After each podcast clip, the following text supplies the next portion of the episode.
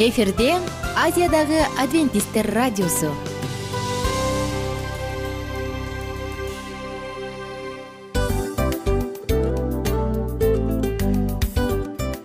Салам достор.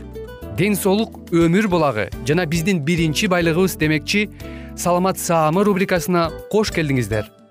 Бир да кишинин ооругусу келбегени айтпаса да түшүнүктүү. Анткени ооруганда жаныбыз кыйналганы аз келгенсип көп көйгөйлөр жаралышы да ыктымал. Андан тышкары жумушка же мектепке бара албай же үй бүлөбүзгө кам көрө албай калабыз. Ал эле эмес башка бирөөнүн бизге кам көрүшүнө муктаж болуп калышыбыз ыктымал. Ошон үчүн дарыланууга караганда алдын алуу жакшы эмеспи. Биздин рубрикада биз ар кандай фактылар менен маалыматтар менен кеңештер менен бөлүшүп чын жүрөктөн сиздердин ден соолугуңуздарды каалайбыз. Ошон үчүн биздин рубрикага кош келдиңиздер жана даярданып туруңуздар. Анткени кийинки мүнөттөрдө кызыктуу фактыларга ээ болосуздар. Ошон үчүн достор эң биринчи байлыгыбызды колубузга алдык да алдыга жөнөдүк. Биз менен болуңуздар. Саламат саама ден соолуктун жарчысы. Саламат саама ден соолуктун ачкычы. Күн сайын сиз үчүн мыкты кеңештер сонун жаңылыктар кызыктуу фактылар. Биздин рубрикада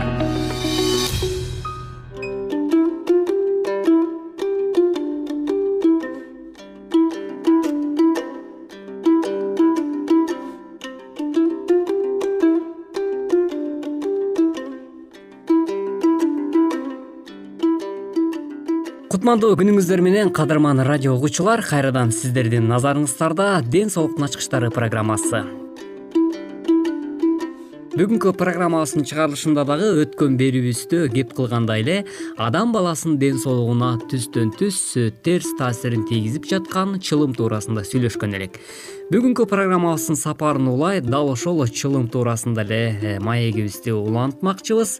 Деги эле окумуштуулардын э, айтымына караганда никотинге болгон көз карандылык э, психологиялыкка дагы байланыштуу болуп эсептелинет экен медиктер тамекинин таасири никотинге болгон көз карандылык жөнүндө изилдөөлөрдү жүргүзүшкөн экен.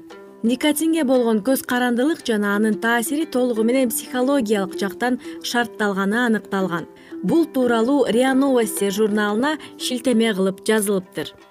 Биз адамдардын тамеки чегип жатканына мээнин активдүүлүгүнө байкоо жүргүздүк эксперименттин жыйынтыгы көргөзгөндөй адам чыныгы баңгизатты колдонуп же дары дармек ичип жатканында ишенгенде гана ал адам организмине таасир тиет деп далластын акшдагы техас университетиндеги сиасо гу айтып чыгыптыр гу жана анын кесиптештери тамекинин бир нече күнгө таштоо макулдугун берген тамеки ишкыбооздору катышкан э, тажрыйбадан алынган тыянак аркылуу никотинге болгон көз карандылык психологиялык себептерге байланыштуу экендигин айтышыптыр.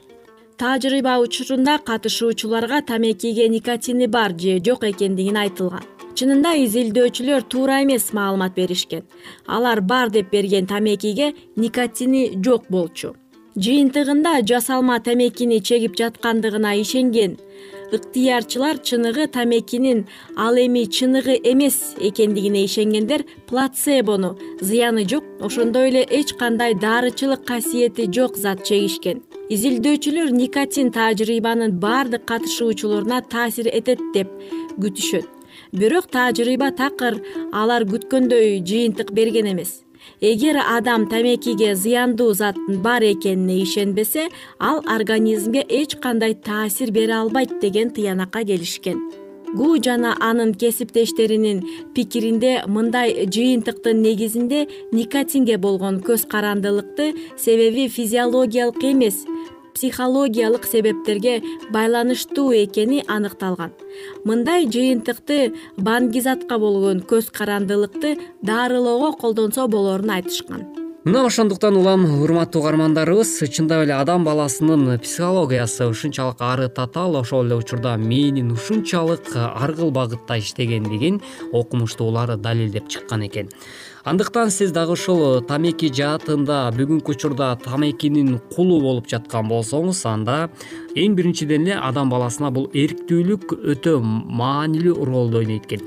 Мисалы сиз тамекиден э, кантип арылууну же болбосо аны кантип таштоону билбей жаткан болсоңуз анда э, тамекини тыштагым келет мен таштайм деп бир чечкиндүүлүк менен кадам кылган болсоңуз анда таштай алат экенсиз эгерде жок мен деген бул тамекиге байланып калгам же болбосо эч убакта таштай албайм. Тамекини таштасам эле бир эки күндүн ичинде керек болсо бир он беш мүнөттүн ичинде эле башым ооруп баштайт. Э, кайрадан эле кыжырым кайнап баштайт. Э, качан мен тамекини оозума алып чегип баштагандан тартып мен өзүмдү жакшы сезип баштайм деп өзүңүзгө өзүңүз мындай ишендирип ушундай э, мамиле кылган болсоңуз анда сиздин организмиңиз дагы ошого жараша калыптанып калат экен.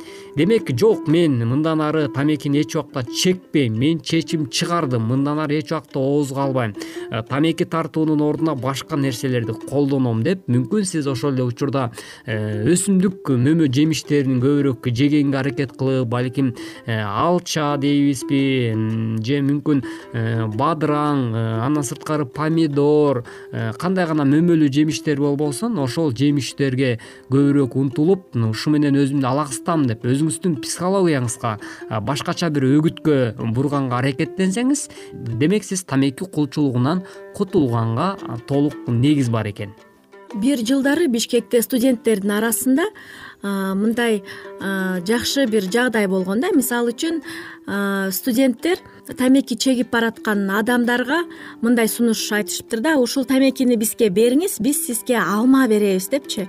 Анан чынында эле көп адамдар ушул тамекини алмага алмаштырып жешиптир да чындап эле жакшы бир э, жөрөлгө жана идея экен десек болот экен э. э демек биз дагы ушундай ыкмаларды балким үй бүлө мүчөлөрүнүн арасында мүмкүн биздин агаларыбыз же жакын туугандарыбыз балким ошол эле сиздин ата энеңиз балким тамеки чылым чегип ошо чылымдын кулу болуп турган болсо сиз дагы ушундай бир ыкмаларды колдонсоңуз болот экен. Э, мен дагы ушул үй бүлө шартында э, уккам. Илгери биз кичинекей бала чагыбызда биздин бир чоң аталарыбыздын агасы тамеки чекчү да. Анан тамеки чеккенден анан кантип кутулган экен деп э, сурадык да баягы кичинекей кезде тамекини кантип таштап койдуңуз элеңиз деп э, сураганда менин өзүмдүн апам атайын ошол дүкөндөн э, илгери ошол советтер союзунун мезгилинде мындай мисалы сен деле билсең керек кесиптеш мындай мындай калай табактын ичиндеги чыгарылган сонун бир короз момпо деген бар болчу билесиңби э, атайын э, калайча болгончу. Ошондой э, эмени жумуштан дайыма жумуштан кайтканда үйгө кайтканда ошол чоң атамдын агасына алып барып берчү экен да. Ошол тамекиден кутулуу жолун издепчи анткени э, докторлор ушундай тыянакка келген экен мындан ары дагы тамекини улантып чеге берген болсо э, өпкө илдети эме өпкөсүнө суу толуп э, ушунчалык ооруган экен. Анан ооругандыктан ошол мындай өмүрү менен кош айтышып кетиши мүмкүн дептир анан алаксытуу максатында баягы чылымды убактылуу унутуп калыш үчүн мындайча айтканда чылымдан бир кандайдыр бир деңгээлде чыгуу жолдорун көрсөтүш үчүн апакем ошондой жанагындай калай дагы конфетти алып барып берип анан ошону жеп атып тамекиден арылган экен да. Аябай жакшы ыкма экен. Мисалы тамеки чегиш керек деген убактысы келгенде эле ал тамекини албай дароо момпо сүү менен өзүн өзүн алаксыткан турбайбы. Ооба ошентип анан тамекиден кутулган экен мына ушундай кеңештерди балким сиздер дагы э, кымбаттуу угармандар өзүңүздөрдүн жашооңуздарда тажрыйба катары балким колдонуп көрсөңүз болот. Урматтуу угармандар ушуну менен бизге бөлүнгөн убактыбыз да өз соңуна келип жетип калды. Кийинки берүүбүздө дагы дал ушул чылым туурасында деле сөз кылмакчыбыз. Эмки э, уктуруубуздан кезиккенче аман болуңуздар бар болуңуздар сак саламатта калыңыз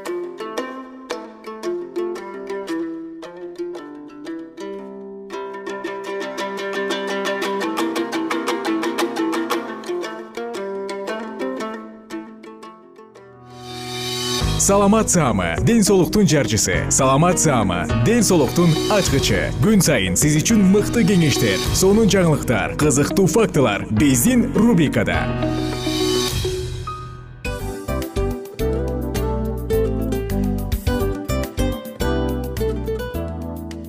Салют замандаштар баарыңыздарга ысык салам дил маек программабызга кош келиңиздер. Дил маек рубрикасы дегенде эле бул эмне болгон дил маек ким менен маектешебиз деп сурайт болуш керек угармандарыбыз бул рубриканы кыскача тааныштыра кете турган болсок ар тарап кесип ээлеринен болгон сонун интервью кеңештер бар жылдыздар менен болгон маек бар аталарыбыздын агаларыбыздын чоң аталарыбыздан сонун кеңештер бар. Ошондой эле эже сиңдилердин кеңештери бар. Айтор баардык кызыктардын баары алдыда негизи эле адам баласы бир кимдир бирөөнө ишенип сырын ачкысы келет эмеспи э мындай баарлашууга жакын келебиз го. Албетте. Негизи бир жерге отуруп алып кенен шашпай баягы жүрөктөн жүрөккө ачып сырларыбызды ар кандай көйгөйлөрүбүз менен бөлүшүп баягы чын жүрөктөн маек курганды кимибиз сүйбөйбүз э? Ооба десең ал нерсеге суусап да келебиз да. Ооба кээ бирде адамга чындыгында баягы э, ысык маек баягы жылуу маек жетишпейт да ошондуктан биз ушул рубриканы ойлоп тапканыбызда эң биринчи эле достор сиздер менен чын жүрөктөн бир маңыздуу темаларды козгоп кеткени э, кааладык. Ошондуктан ушундай сонун бир рубриканы тартуулап жатабыз. Анын үстүнө радио дагы сонун дос да анткени э, мындай учурда досуңа айтсаң досуң досуна айтат досу досуна айтат да анан бүт өлкө билип калышы мүмкүн го. А радио болсо сени сатпаган сенин айыбыңды ачпаган сенин сырыңды эч кимге айтпаган сонун дос мына ошондуктан биздин алдыдагы айта турган кеңештерибизди биздин досторубуздун кеңештерин угуп анан ал жака пикириңизди дагы калтырып кайрадан биз менен байланышсаңыздар болот. Деги эле жашооңузга эгерде кичине болсо дагы өзгөрүү алып моралдык жактан ыалык жактан сонун бир кеңештерди алсаңыз демек биз максатыбызга жеттик. Ооба. Чыңгыз атабыз улуу жазуучу э, чыңгыз айтматов айткандай адам болуу бул күнүмдүк процесс экен. Күн сайын адам бойдон калуу бул адамзатка эң эле кыйын дейт э? э эң кыйын дейт. Чындыгында бунун э, негизинде адамдын эң баягы сапаттуулугу адамдын э, адамгерчилиги жана көптөгөн керектүү нерселер. Мына ошол темалар дагы бизде ушул дил маекте биз аларды да козгойбуз. Ден соолук жөнүндө да сүйлөшөбүз. Сөзсүз түрдө. Анан милан мырза негизи айтып коюшат го. Биз көбүнчө эмнени ойлонсок? Ошол нерсеге карата иш кылабыз го. Ооба. Анан анысы кандай балким бул радио баракчада кимдир бирөөнүн оюн текшергенге жардам берет кимдир бирөөнүн жүрөгүн текшергенге жардам берет. Балким кимдир бирөөгө жашоонун маңызын тапканга жардам берет айтор кызыктын баары алдыда бул жөн гана кыскача жарнама анда угармандарыбыздын баардыгын кийинки рубрикабызга чакырабыз. Ал эми кызматта маңдайымда отурган кесиптешим милан жана мен айнура. Анда эмесе биз даярдаган терең терең ойлор менен таанышууга кеттик. Алыс алыс баралык анда эмесе достор биз менен бирге болуңуздар. Алдыда эң кызыктуу маалыматтардын баардыгы бир нече мүнөттөр бою жалгыз гана сизге арналат. Мына ошондуктан жакшы маанай менен угууну каалайбыз. Үн алышканча. Жөнөдүк.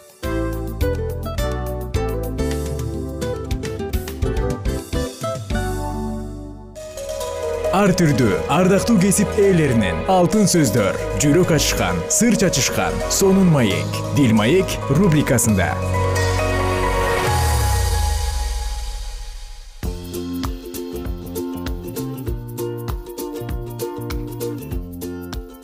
сүйүүнүн беш тили. Салют достор. Баардык сүйүктүү замандаштарыбызга салам айтабыз дагы. Бүгүнкү дил маек уктуруусун баштайбыз. Сүйүүнүн беш тили. Гарри чапмендин сүйүүнүн беш тили деген китеби бүт дүйнөнү кыдырып чыкты. Балким муну сиз уккандырсыз. Балким анын негизинде кайсы бир кичинекей макалаларды окугандырсыз. Бирок эң негизгиси никедеги бактылуулук бул сүйүү тилин билүү эгерде сизде бул китеп жок болсо балким окуганга аракет кыларсыз. Ал эми бүгүнкү уктурууда кыска болсо дагы сизге айтып бергенге аракет кылалы. Мүмкүн болсо окуп чыкканыңыз жакшы. Бул гарри чепмендин сүйүүнүн беш тили деген китеби. Эх достор эгерде сүйүүнүн өчүп калышын каалабасаңыз анда жыйырма төрт саат бою суткасына колду түшүрбөстөн аракет кылыш керек. Анткени ар бир нерсенин тили бар. Биз орусча кыргызча немисче англисче сүйлөйбүз ошол сыяктуу эле. Сүйүүнүн дагы тили бар ар бирибиз өзүбүздүн сүйүү тилибизде сүйлөйбүз жана ошол нерсени күтүп келебиз. Сиздин алдыңызда эң эле бир чоң тапшырма турат. Бул сүйгөнүңүз кайсы сүйүү тилин жакшы көрөт кайсы сүйүү тилинде сүйлөйт. Баарына маалым болгондой дүйнө боюнча сүйүүнүн беш тили бар. Булар биринчиси колдоо сөздөрү же мактоо сөздөрү. Эгерде сиз жакыныңыздан дайыма мактоону ыраазычылыкты комплиментти уккуңуз келип турса демек сиздин сүйүү тилиңиз колдоо сөздөрү. Мындай кылуу менен сизге бирөө мактап ыраазычылыгын айтып турса демек сизди сүйөрүн билесиз. Көбүнчө бул сүйүүнүн тили мырзаларга көбүрөөк тиешелүү. Анткени алар келинчеги кучактап алтыным сүйгөнүм мен сага ишенем. Сенде баары жакшы болот сен муну кыла аласың деген гана кичинекей эле бир эки үч фраза сөзү мырзанын канатын байлатып ага өзгөчө күч берет эгерде жашооңузда бир кыйынчылыктар болуп турса дал ушул нерсени уксаңыз анда сиз чоң кыйынчылыктардан чыгып кете аласыз. Мына ошондуктан элестетиңиз достор. Кайсы гана учур болбосун жылуу сөздөрдү айтып жагымдуу сүйлөп адамды колдоп ага чоң күч берип койсо болот. Сүйүүнүн экинчи тили бул убакыт. Сүйүүнүн бул тилинде сүйлөгөн адам ага көбүрөөк убакыт бөлүшүн каалайт. Анын сүйүктүү болгонун сезиш үчүн жанымда отур. Мен менен барып келчи мага берчи менин жанымда олтурчу деген сөздөрдү көбүрөөк айтат. Мындай адамдар көбүрөөк сейилдегенди көбүрөөк баарлашканды жактырышат. Эгерде сиздин сүйүү тилиңиз дал ушул болсо анда жарымыңызга айтып коюңуз. Эгерде жарымыңыздын сүйүү тили ушул болсо анда аны ага көбүрөөк убакыт бөлгөнгө аракет кылыңыз. Эң негизгиси бул көңүл буруу. Кинобу театрбы ресторанбы балким таңды чогултуусубу же жөн гана кечти узатуубу эң негизгиси кайсы гана жерде болбоңуз анын жанында болуу. Бул экинчи тили. Эгерде бул сүйүүнүн тилин билип алгыңыз келсе жана жолдошуңуздун сүйүү тили ушул болуп турган болсо анда алдын ала ар бир кечти ар бир күндү пландаштырганды үйрөнүңүз. Албетте буга убакыт табыш оор бирок ошентсе дагы бир учурду келинчегиңизге же жолдошуңузга бөлүңүз эмесе андан ары кеттик. Сүйүүнүн үчүнчү тили белек. Ооба да белек ар бир адамга жагымдуу. Кандай кымбат болбосун кандай арзан болбосун бирок эң негизгиси көңүл буруу өзү кымбат эмеспи мына ошондуктан сүйүктүүңүзгө же өзүңүзгөбү кимдин сүйүү тили белек боло турган болсо ага көбүрөөк көңүл буруш керек. Мындай адамдар өзгөчө туулган күнүндө белек албай калса ой анда кандай гана маанайым бузулат эм мени унутуп калыптыр деп сүйүү тили белек болгон адамдар өздөрү дагы ошол тилде сүйлөп башкаларга көбүрөөк белек бергенди жакшы көрүшөт. Бул да болсо мамилени бекемдейт сүйүүнүн кийинки тилин айталы балким сиз өзүңүздүн сүйүү тилиңизди таба электерсиз бул жардам а мүмкүн сиздин тил жардамдыр жардам берүү демек кимдир бирөө үчүн бир нерсе кылуу. Мейли ал тамак даярдайбы идиш жуйбу бут кийимин ремонтко алып барабы батирди жыйнап коебу же жөн гана акчалай сатып келип сен эс алып ал. Муну мындай кылып коелу дегени айтор сүйүү тили жардам. Бул активдүүлүк демек бул убакыт бөлүү. Кандай гана болбосун мындай нерсе сөзсүз түрдө аракетти аракетти жумшайт аракетти талап кылат анын алгоритми жөнөкөй гана. Жалкоолукту таштаңыз ал эми жарымыңыздын жардамга болгон муктаждыгын эч сыртка четке какпастан дароо колго алыңыз достор эгерде келинчегиңиздин сүйүү тили болсо жардам болсо анда сиз швабраны ары бери кыймылдатып пол жууганыңыз дагы жагымдуу. Ой мындай мырзалар кандай гана жактырат. Эгерде жолдошуңуздун сүйүү тили жардам болсо мык кагып атканда жөн гана жанында мыкты кармап берип турсаңыз анда андан өткөн бактылуу адам жок. Жана акыркысы сүйүүнүн бешинчи тили бул тийүү ооба тийүү менин денеме тийүү мага тийүү демек мен менен бирге болуу менден алыстабоо мунун баардыгын дал ушундай сөздөрдү сүйүү тилүү тийүү болгондор айтышат. Алар үчүн кучактоо сүйүү колун кармоо өтө маанилүү мындай тилде сүйлөгөндөр өзгөчө массажды сылаганды жана сексти жакшы көрүшөт. Алар албетте достор муну да айта кетели секс бул ушул тийүү сезиминин бир диалектиси. Тийүү балким жөн гана мындай бир көз ирмемдин арасында болушу мүмкүн. Мүмкүн өтүп баратып кучактап кетесиң өтүп баратып бетинен сылап кетесиң чекесинен чачынан. Мүмкүн өтүп баратып жөн гана чалаак кучактап бетинен сүйүп кетерсиң муну ар кандай болот? Же болбосо атайын келип кучактап ага жылуу сөздөрүңдү айтуу мына ошондуктан жолдошуңуздун жубайыңыздын сүйүү тили тийүү болсо анда көбүрөөк тийиңиз. Мындай адамдар кучактаганга жогорудай денелик контактка өтө жакын келишет. Тилекке каршы көп учурда сүйүү тилибизди билбей калгандан улам чоң кыйынчылыктар жаралат э сен мени сүйбөйсүң сен мени сүйбөйсүң дейт. Ой мен сени сүйөм мына сүйүп эле мондай мондай кылып атпаймынбы? десе көрсө келинчеги белек алганды жакшы көрөт экен. А жолдошу болсо сен мени сүйбөйсүң сенин оюң таптакыр башкада дейт ой мен сага жакшынакай эле белектеримди берем жардам берем баарын эле кылып атпаймынбы? дейт. Көрсөңүз жолдошунун сүйүү тили колдоо экен. Ал болгону гана келинчегинин колдоону күтөт. Эгерде жол жарымыңыздын сүйүү тилин билип алсаңыз анда никеңиз сөзсүз түрдө бактылуу болот. Ал эми биздин кааларыбыз ар бир угарманыбызга бактылуу нике. Күнүңүздөр көңүлдүү улансын кайрадан амандашканча. Сак саламатта туруңуздар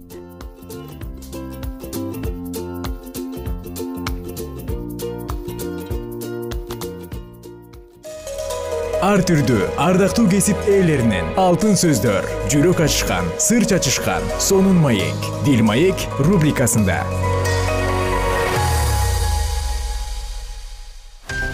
Жан дүйнөңдү байыткан жүрөгүңдү азыктанткан жашооңо маңыз тартуулаган жан азык рубрикасы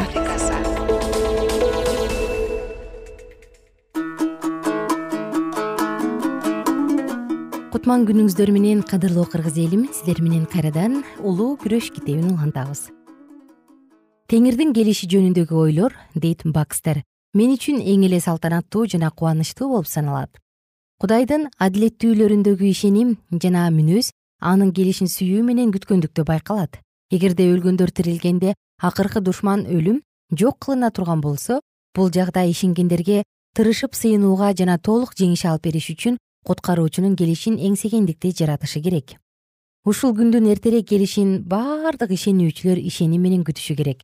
Бул күнү алардын куткарылысы үчүн болгон иш аягына чыгат жана алардын бардык эңсеген максаттары орундалат ооба теңир шашыл ушул бактылуу күндү жакындат. Элчилердин жыйынынын чөлдөгү жыйындын жана реформаторлордун жыйындарынын самаган үмүтү ушул болгон пайгамбарлык бир эле машаяктын эмне себептен келе тургандыгы жөнүндө эле жазып тим болбойт. Бирок анын келишинин алдындагы белгилер жөнүндө дагы билдирет. Ыйса мындай деп айтат. Жана күндө айда жана жылдыздарда дагы белгилер болот лука жыйырма биринчи бап жыйырма бешинчи аят. Күн тутулуп ай өз жарыгын бербей калат. Жылдыздар асмандан учуп асман күчтөрү солкулдайт. Ошондо адам уулу булуттардын үстүндө кудуреттүү жана даңк менен келе жатканын көрүшөт. Ыйсанын экинчи келишиндеги алгачкы белгилер жөнүндө ян мындай деп жазган. Жана мына зор жер титирөө болду. Күн зумбал сыяктуу карарды жана ай кан сыяктуу кызарды аян алты он эки. Ушул белгилер он тогузунчу кылымдын башталышына чейин эле билине баштаган бир миң жети жүз элүү бешинчи жылы тарыхта болуп көрбөгөндөй улуу жер титирөө болгон. Ал жер титирөө лиссабондогу деп белгиленгени менен ал европанын чоң бөлүгүн африка жана америка мамлекеттерин камтыган. Гренландияда вест индияда мадейра аралында швеция норвегия великобритания жана ирландияга чейин сезилген. Бул жер титирөө төрт миллион квадрат метрден кем эмес жерге созулган. Африкадагы силкинүүлөр европадагыдай эле болгон. Ал жердин көпчүлүк бөлүгү талкаланган. Ал эми мароккодон алыс эмес жерде жер ачылып он миңге жакын тургундары менен бир аймакты соруп кеткен. Испаниянын жана африканын жээктеринде улуу толкун болуп шаарларды жана облустарды чайкап кеткен. Испанияда жана португалияда жер силкинүүлөр абдан катуу сезилип турду. Кадисте жыйырма метр бийиктиктеги толкун каптаган деп айтышкан. Португалиядагы эң эле бийик тоолор солкулдагандыктан алардын бийик чокулары жарылып вулкандын магмасынан жалындаган оттор чыгып турган бийик чокулар жакынкы кыштактарды басып калды. Лиссабондо болсо жер алдындагы гүүлдөгөн добуш угулган жана болуп өткөн катуу титирөө шаардын жартысынан көбүн кыйратып кетти. Алты минутта убакыттын аралыгында алтымыш миң адам набыт болгон. Деңиз алгачында чөгүп кетип кумдары көрүнгөн андан кийин кайрадан баштагы деңгээлинен он бештен он сегиз метрге чейин бийиктикте көтөрүлгөн. Лиссабондогу башка кыйроолорунан анын жаңыдан мрамор тургузулган сулуулуктары кыйрап калган. Алардын чыгымы өтө көп болгон. Кулап жаткан сыныктардан качуу максатында ал жерге көп сандаган кишилер калкаланышкан. Бирок толкуган суу бул жерди чайкап кетип өлгөндөрдүн бири дагы сыртка чыкпай калды жер астынан келген силкинүү жыйындарды монастырларды чоң имараттарды жана шаардагы турак жайлардын төрттөн бир бөлүгүн талкалаган. Жер титирегенден эки саат чамасы чамалуу убакыт өткөндөн кийин кээ бир кварталдарда өрт башталды. Жана үч күн бою аны түгөл жалмап бүтмөйүнчө шаарда жалын бурганактап турду. Жер титирөө майрам күнү болгон жана бардык монастырлар жыйындар элге толгон болчу жана аз сандаган адамдар гана өлүмдөн кутулушкан. Адамдардын учкан үрөйүн айтып түшүндүрүү мүмкүн эмес. Эч ким ыйлаган жок. Анткени жаш качып кеткен. Адамдар бир жактан экинчи жакка качып жатышты. Таң калуудан эс акылдарын жоготушуп төштөрүн ургулап кыямат кайым келди деп кыйкырышкан. Энелер өз балдарын унутушуп колдорун жазган бойдон качышты. Көпчүлүк адамдар өз өмүрүн сактап калуу максатында жыйындарга жүгүрүштү бирок кылган тоболорунан эч кандай жыйынтык чыккан жок. Шордуулар жерге жыгылышып колдорун касиеттүү жайларга сунушкан иконалар дин кызматчылар жана адамдар булут алдында көмүлүштү. Андан кийин гана бул кырсыктуу күнү токсон миң адам набыт болгондугун билдиришкен. Жыйырма беш жыл убакыт өткөндөн кийин пайгамбарлыкта айтылган башка бир жышаан белгиси болгон бул күн менен айдын тутулуусу эле таң кала тургандыгы бул пайгамбарлыктагы өз мезгилинде аткарылган. Элеонтоосунда куткаруучу өз шакирттери менен сүйлөшүп отуруп бир миң эки жүз алтымышынчы жыл папалык куугунтук боло тургандыгын жана бул күндөр кыскартыла тургандыгын айткан. Анын келери алдындагы кээ бир окуяларды эскертет жана алардын биринин убакытын көргөзгөн. Ошол кайгыдан кийин күн тутулат жана ай өз жарыгын бербей калат. Марк он үч жыйырма төрт бир миң эки жүз алтымыш жылдык мезгил бир миң жети жүз токсон сегизинчи жылы аяктаган. Ушул мөөнөткө жыйырма беш жыл убакыт калганда куугунтук таптакыр токтотулган. Ыйса машаяктын айткандары боюнча куугунтукталгандардан кийин күн тутулушу керек. бир миң жети жүз сексенинчи жылы он тогузунчу майда ушул пайгамбарлык аткарылган. бир миң жети жүз сексенинчи жылы он тогузунчу майда жаңы англияны таң каларлык караңгылык каптап калган бул жогорку деңгээлдеги жана жалгыз гана табышмактуу көрүнүш болуп калды. Бул окуя туурасында массачусетс штатындагы улуу ушул окуяны көргөн бир адам мындай деп жазат. Таң агарып күн чыккан бирок ал бир аздан кийин уламдан улам төмөн түшүп келе жаткан булуттардын артынан жашынды. Бул кара тумандын арасында мезгил мезгили менен чагылган болуп жатты. Күн күркүрөөсү басылгандан кийин жамгыр жаады.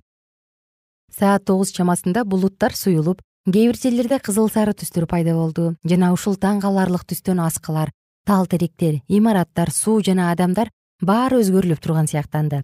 Бир нече мүнөт өткөндөн кийин өтө чоң кара булут бүткүл асманды жаап горизонтто кичинекей гана сызык калды. Жана бүткүл айлананы кечки саат тогуз чамасындай караңгылык каптады. Ардактуу достор окуябыздын уландысын кийинки уктурууда угасыз. Баарыңыздар менен амандашканча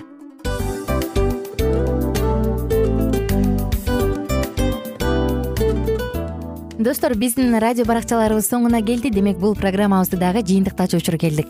Учурга келдик. Анан кесиптешимден сурагым келип турат. Негизи эле иштин башталып атканы кубандырабы сени же жыйынтыгы кубандырабы?